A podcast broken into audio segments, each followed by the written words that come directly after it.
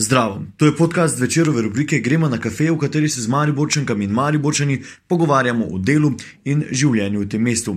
Tokrat smo na kavo povabili Tadeja Ojstrška. 30-letni Mariborčan je trenutno brez službe, sicer pa je diplomiral iz kemijske tehnologije in magistriral iz tehničnega varstva za okolje na fakulteti za strojništvo.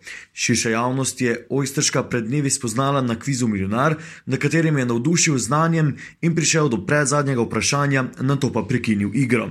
Trenutno brezposelni Mariborčan obdobje brez službe izkorišča za pridobivanje dodatnih znanj.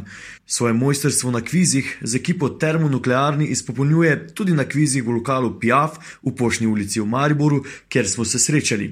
V osmih nastopih na Piaf kvizu je z ekipo slovil šestkrat, prav tam je dobil potrebno samozavest, da se je prijavil v oddajo Milionar pravi.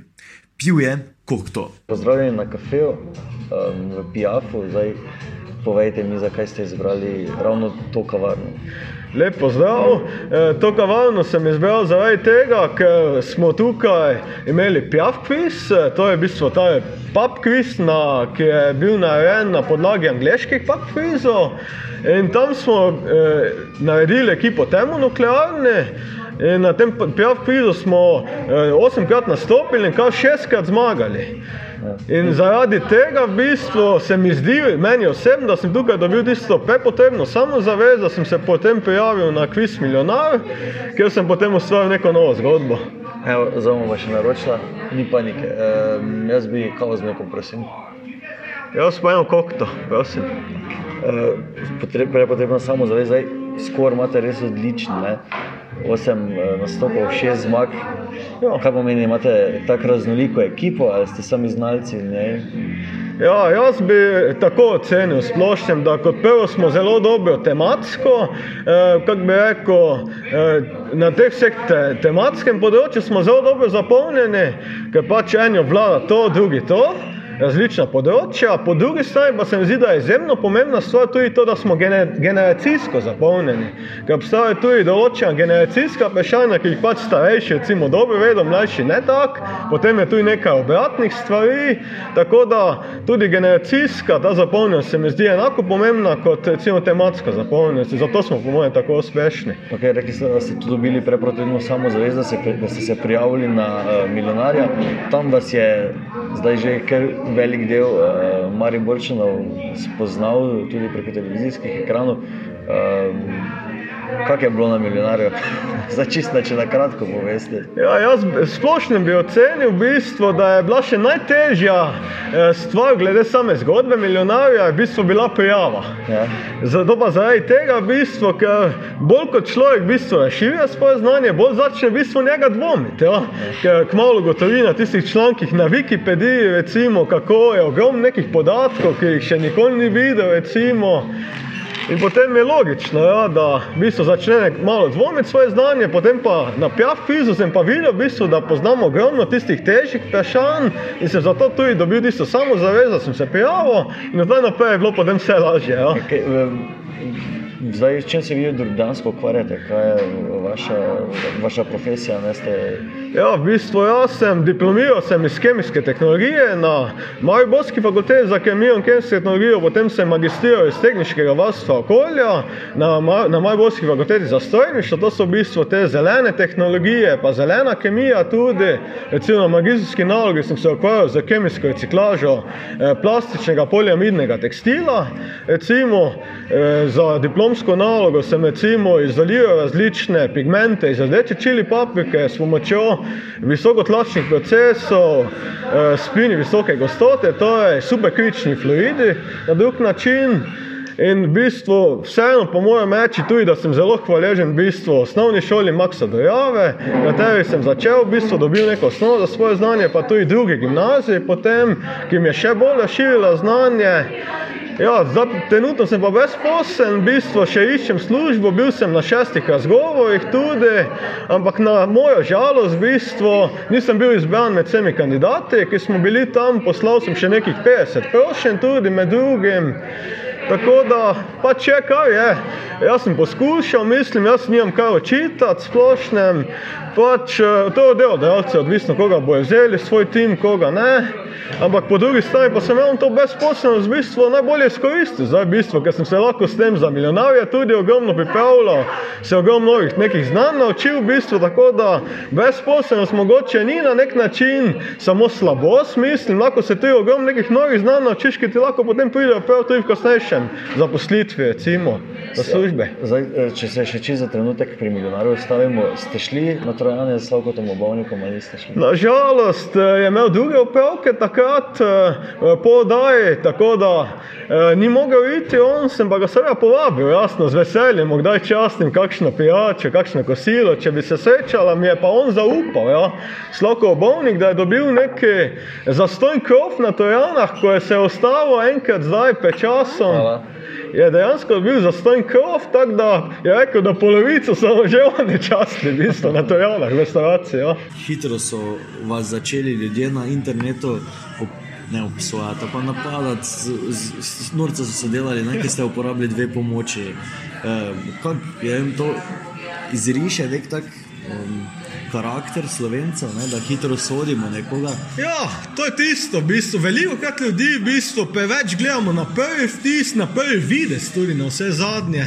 Tako da mislim, da je to veliko krat napačno.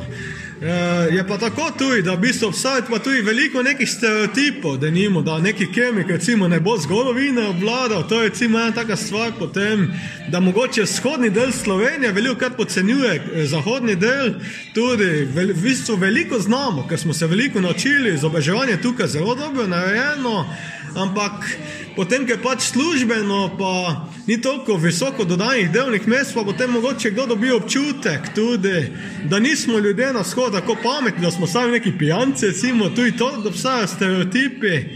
Tako da meni se zdi, da se- da je moj nastop eh, tudi veliko teh stereotipov nekako podrl, pa tudi recimo brezposelnost, recimo marsikdo misli, da to so sami lenuhi, verjetno. Tak, jaz sem pa dokazal, da je brezposelnost tudi dejansko neka priložnost za to, da se naučimo nova znanja, ki pa potem lahko seveda prav prijo na delovnih mestih.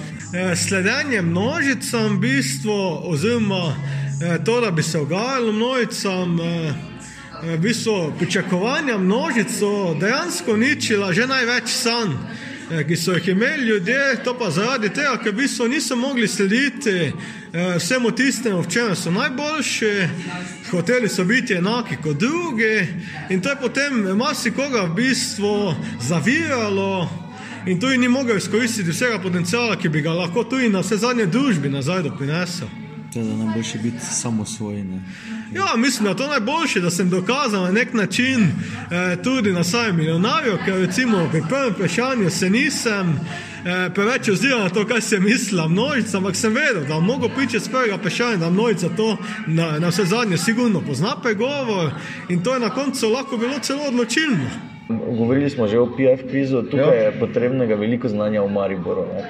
In Tudi, tega ja. imate, vsaj po nekaj četih, ki smo jih izmenjali, vi veliko. Ne? Kje zveste toliko stvari o Mariboru?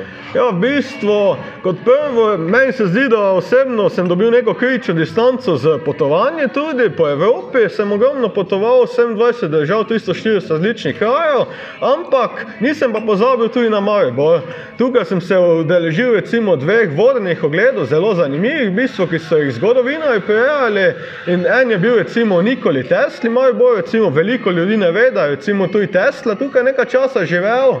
In v bistvu, kako velik potencial smo v bistvu mi izgubili, ko je potem šel naprej v Avstrijo in pa kasneje v Ameriko, kasneje, kjer je hidroelektrarna Niagarski slapojek naredil. Ampak recimo, nikoli se ne ve, če bi tu ostal, recimo, bi pa lahko na Dravi recimo, delal vse te stvari s hidroelektrarnami. Tako da definitivno smo z njimi izgubili veliki potencial, ko je odšel stran od nas.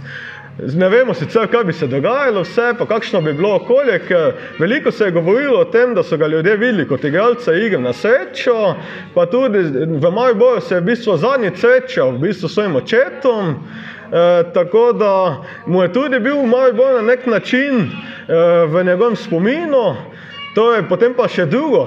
Vodenje, tisto je pa bilo v bistvu malo bolj v nemških časih, ko je bilo še tukaj večinoma nemško govoreče prebivalstvo.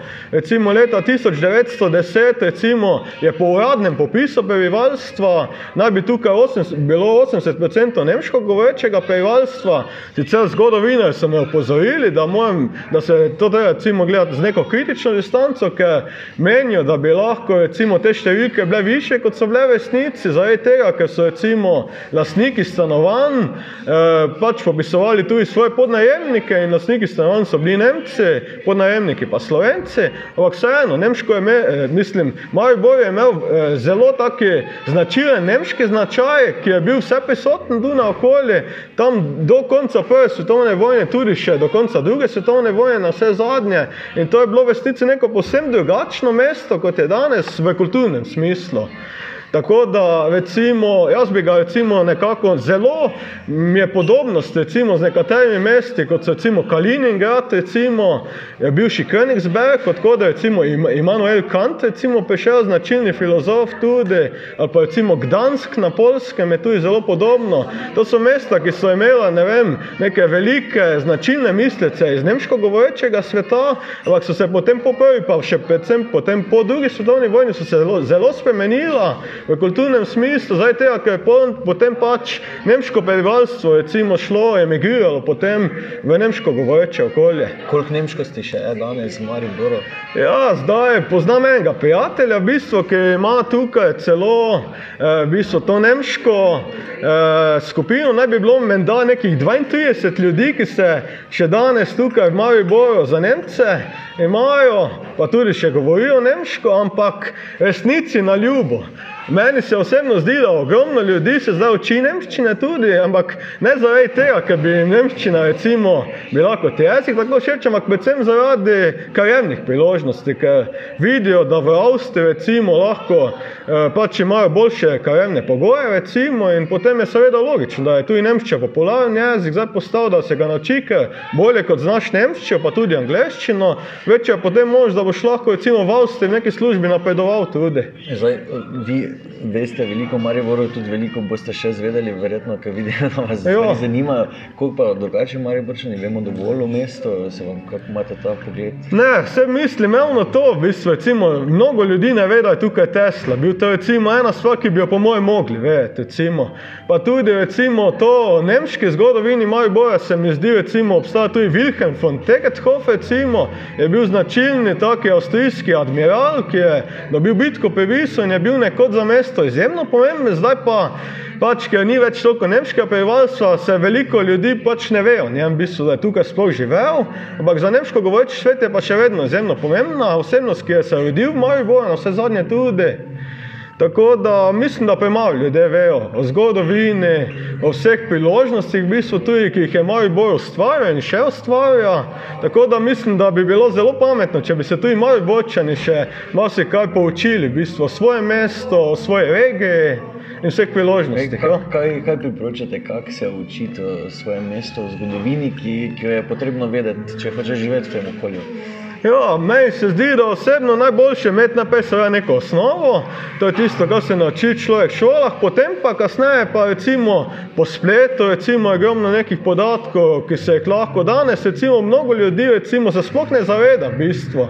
Včasih so bili taki stari splošni leksikoni, eh, ki so pač bili omejeni, zelo debeli, ampak še vedno omejeni, pa tudi zastavili so s časom, so potem nove verzije komaj dodali neke nove podatke, tiste tiste bolj aktualne, ki pač v prejšnji verziji niso bili, ampak zdaj pa imamo splet in zdaj pač tam je pa Wikipedija, recimo, ki se neprestano posodablja, pa tudi recimo ogromno nekih podatkov, o katerih eh, se še ni vedelo, recimo, Seveda, je logično, treba je vedno gledati z neko kritično distanco do vseh podatkov, ki se jih sliši, to je pomembno, ampak vseeno, nauči se pa ogromno tudi, recimo, kakšni različni komentarji po spletu, recimo, vem, da je veliko bizarnih sicer, pa ekstremističnih, ampak je pa tudi veliko takšnih, ki lahko naučijo, recimo.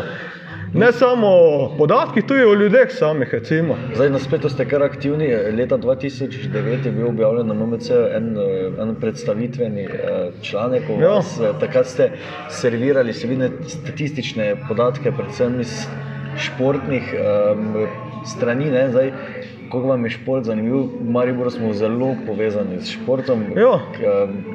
Kaj, kaj nam lahko poveste o tem? Ja, zdaj recimo, to je že spet ena tako zanimiva stvar.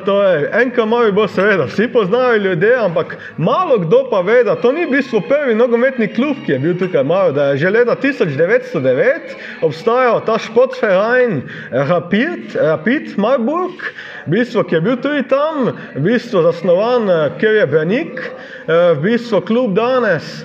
Ampak mnogo ljudi za ta klub v bistvu sploh ni slišalo, v bistvu ne vem zakaj ni slišalo, ampak dejansko tudi 1909 je bil osnovan ta, sicer bolj nemško govoreči, ta klub Rapid, Marburg, ki je Polše po tem imenu bil tudi v prvi Jugoslaviji tekmoval, potem pa po drugi svetovni vojni pa eh, ni bil več ravno, verjetno tudi zaradi političnih stvari in pol kasneje so pač enka malo bolj na pogorišču tega kluba nekako ustanovili, ampak dejansko nogometna zgodovina ima precej daljšo brado, v bistvu v Mariboru ni tam recimo 1960, se vse skupaj začelo, ampak 1909. To je recimo ena stvar, pa tudi alpsko smučanje je bilo v nemško govorečem svetu že zelo popularno. Tudi tenis, recimo, na vse zadnje, je bil sicer včasih šport elite, danes pa je že vsem tudi dostopen. Ja, tenis vam je kar blizu. Ne? Ja, tenis definitivno. Jaz bi rekel tako, da jaz sem bil ogromno teniških komentarjev, nekoč v mladosti tudi napisal, ker sem na Wikipediji se ogromno spoznal z različnih tenišačih in sem tudi dejansko tega Slavka Jeriča, to je novinar RTV Slovenija, sem dejansko tudi navdušil nad to športno statistiko, da je tudi on v tem videu pač nek smisel še dodatno preučevati in je tudi se on razvil na nek način tudi dodatno iz športne statistike. Zdaj je pravi specialist, on zato, ker je tudi matematik, recimo, pa psiholog, na vse zadnje tudi. Zdaj, na kafejih, ne, na naših drugih se pogosto pogovarjamo, predvsem o Mariboru.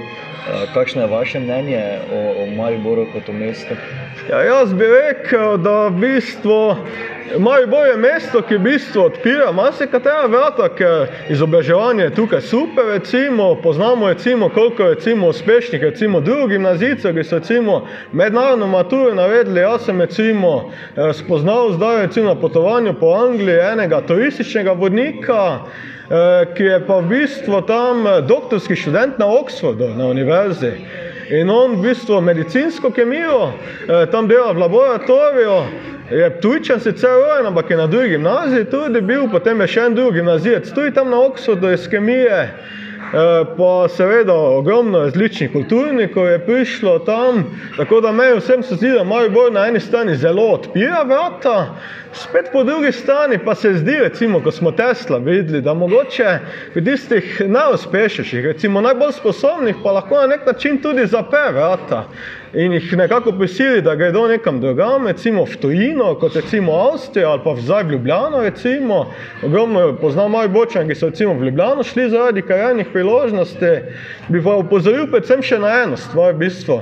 Mediji, vi recimo veliko govorite, kako je recimo veliko brezposelnih mladih ali pa koliko jih gre v tujino, obstaja pa še tretja skupina izobraženih mladih, o kateri se pa ne govori kaj dosti in to je pa tista skupina, ki se je izobrazila, ima neko izobrazbo, ampak potem na svojem področju niso dobili neke priložnosti, da bi delali pač tisto, kar jih najbolj veseli, kar dejansko česa najbolj vladajo in se zgodijo, so mogli za nekih finančnih in socialnih pritiskov v bistvu začeti delati nekaj posem drugega, mogoče celo bolj rutinsko delo v bistvu, tako da mogoče na finančnem področju je to lahko za njih vedo, pa tudi za državo recimo vedo, ampak oni sami pa vedo, da ne morejo izkoristiti vsega potencijala, ki bi ga lahko dali mesto in državi.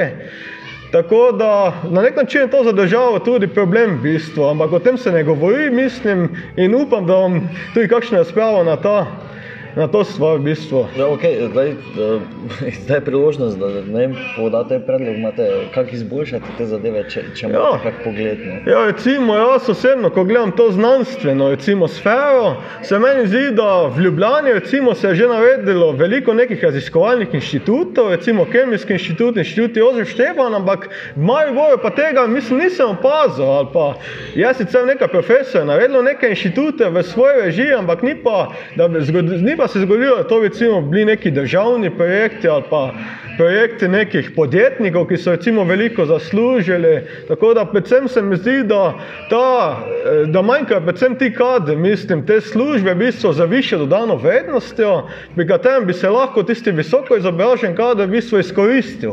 Ja, Kar znajo v Nemčiji recimo zelo dobro uporabiti, tukaj pa se mi zdi, da nekako še ni ves ta potencial izkoriščen, bi pa lahko bil. Zdaj, vmes sem eh, zaznal to, da ste govorili o tem, da odhajajo visoko izobraženi ali v tujino ali v Ljubljano. Ja. Se, Omenili ste Ljubljano, se tu čuti tudi del te neke centralizacije, jo, jo vi opazite. Ja, dejansko centrali- centralizacija ni značilna samo za Slovenijo, v bistvu je značilna za, za vse te bivše postkomunistične države. V posod vzhodnji Evropi sem to opazil tudi recimo na Češkem, se vi recimo v Pragi, recimo, kak je, ali pa v, na Slovaškem, Bratislavi, kak je vse centralizirano. Bi pa rekel tako, ja, za same ljudi, pa za samo okolje, to ni ravno najbolj pozitivno, da se dogaja centralizacija, ampak za kapital pa je pozitivno. Tako da tu je pač treba gledati, da pač odvisno, kak je komu eh, vse skupaj, mislim, ustreza in potem, eh, kaj bo prevladalo v bistvu. To se je mogla pa odločiti ljudje na višjih položajih in to pa človek eh, tu ne more kaj dosti, lahko pa opozori recimo na nekatere zadeve, ki jih je opazil v vzhodnji Evropi, pa tudi tukaj. Ker meni se zdi, da imamo veliko podobnosti za to vzhodno Evropo, ker tudi tam je ogromno izobraženih ljudi, ampak tam so pa recimo v Romuniji so pa razmere še slabše in se dogaja, da se cele vasi v bistvu izseljujejo. Na srečo v Mariboru po Sloveniji še ni tako hudo, da bi se zdaj cele vasi ali pa cela mesta izseljevali, tam recimo v Anglijo, Nemčijo, Francijo, kjer pač imajo večje karjerne priložnosti, ampak eh, v bistvu še vedno se dogajajo podobne stvari, še vedno imamo ta fenomen značilni, tako da opažam marsikaj ja, pri potovanjih. Zdaj, eh, omenili ste ravno potovanja. Andrej, Ja, ja. Hvala. Srečno. Um, naslednje potovanje je povezano tudi z milijonarjem. Ne? Ja. Zaželeli ste si ga, kam greste, eh, razlog. Ja, to je jaz grem na Laponsko zdaj, na sever Finske, v Rovaniemi in okolico. To pa zaradi tega, v bistvu, ker še nikoli nisem bil v Skandinaviji, ena stvar. In se seveda želim videti ta izjemen, lep, izjemno lep pojav severnega sija. To je, recimo, je pa res, da bom potreboval nekaj sreče, v bistvu, da eh, vidim ta pojav, ker pač potrebuje se jasno vreme, ampak eh, še vedno ta pojav se dogaja več ali manj nad tistim eh, severnim tečajnikom. Tako da upam, da bom predvsem ta pojav videl, potem pa recimo mi je še zelo dobro to, da je pač tam res taka zimska pravljica in bom lahko se vozil tudi z motornimi sanmi, pa s pasjo jelenjo vprego tudi obiskal Božičko vas, Božičko delavnico, se mogoče celo samim Božičkom srečal. Pa živalski vrt, sevnih živali obiskal, to so neke stvari, ki jih pač tukaj ne moreš videti, ampak so pa zelo lepe, v bistvu, zelo lepa doživetje, bo je po mojem to sigurno. Evo, tako da ste si v bistvu z znanjem prislužili eno tako fajn Ja. nagrado za božičnič. To je super, bi pa še omenil to, recimo, jaz, ki veliko potujem, recimo, ko me ljudje vprašajo, katere so moje najljubše destinacije, potem ljudje, marsi- marsikdo se v bistvu čudi, ko rečem, recimo, meni je Alzacija, recimo, tam, ki je že tam semkrat menjala gospodarje med Francijo in Nemčijo. To je meni najljubša destinacija, ker tam so res takšne pravlične vasi, pravlična mesta, eh, v bistvu, eh, še celo v Lepotici in Zver, eh, ko je bil risani film, so tisto vas ravno po teh alzaških pravljicah eh, dobili navdih, potem eh, Romunija mi je bila zelo všeč.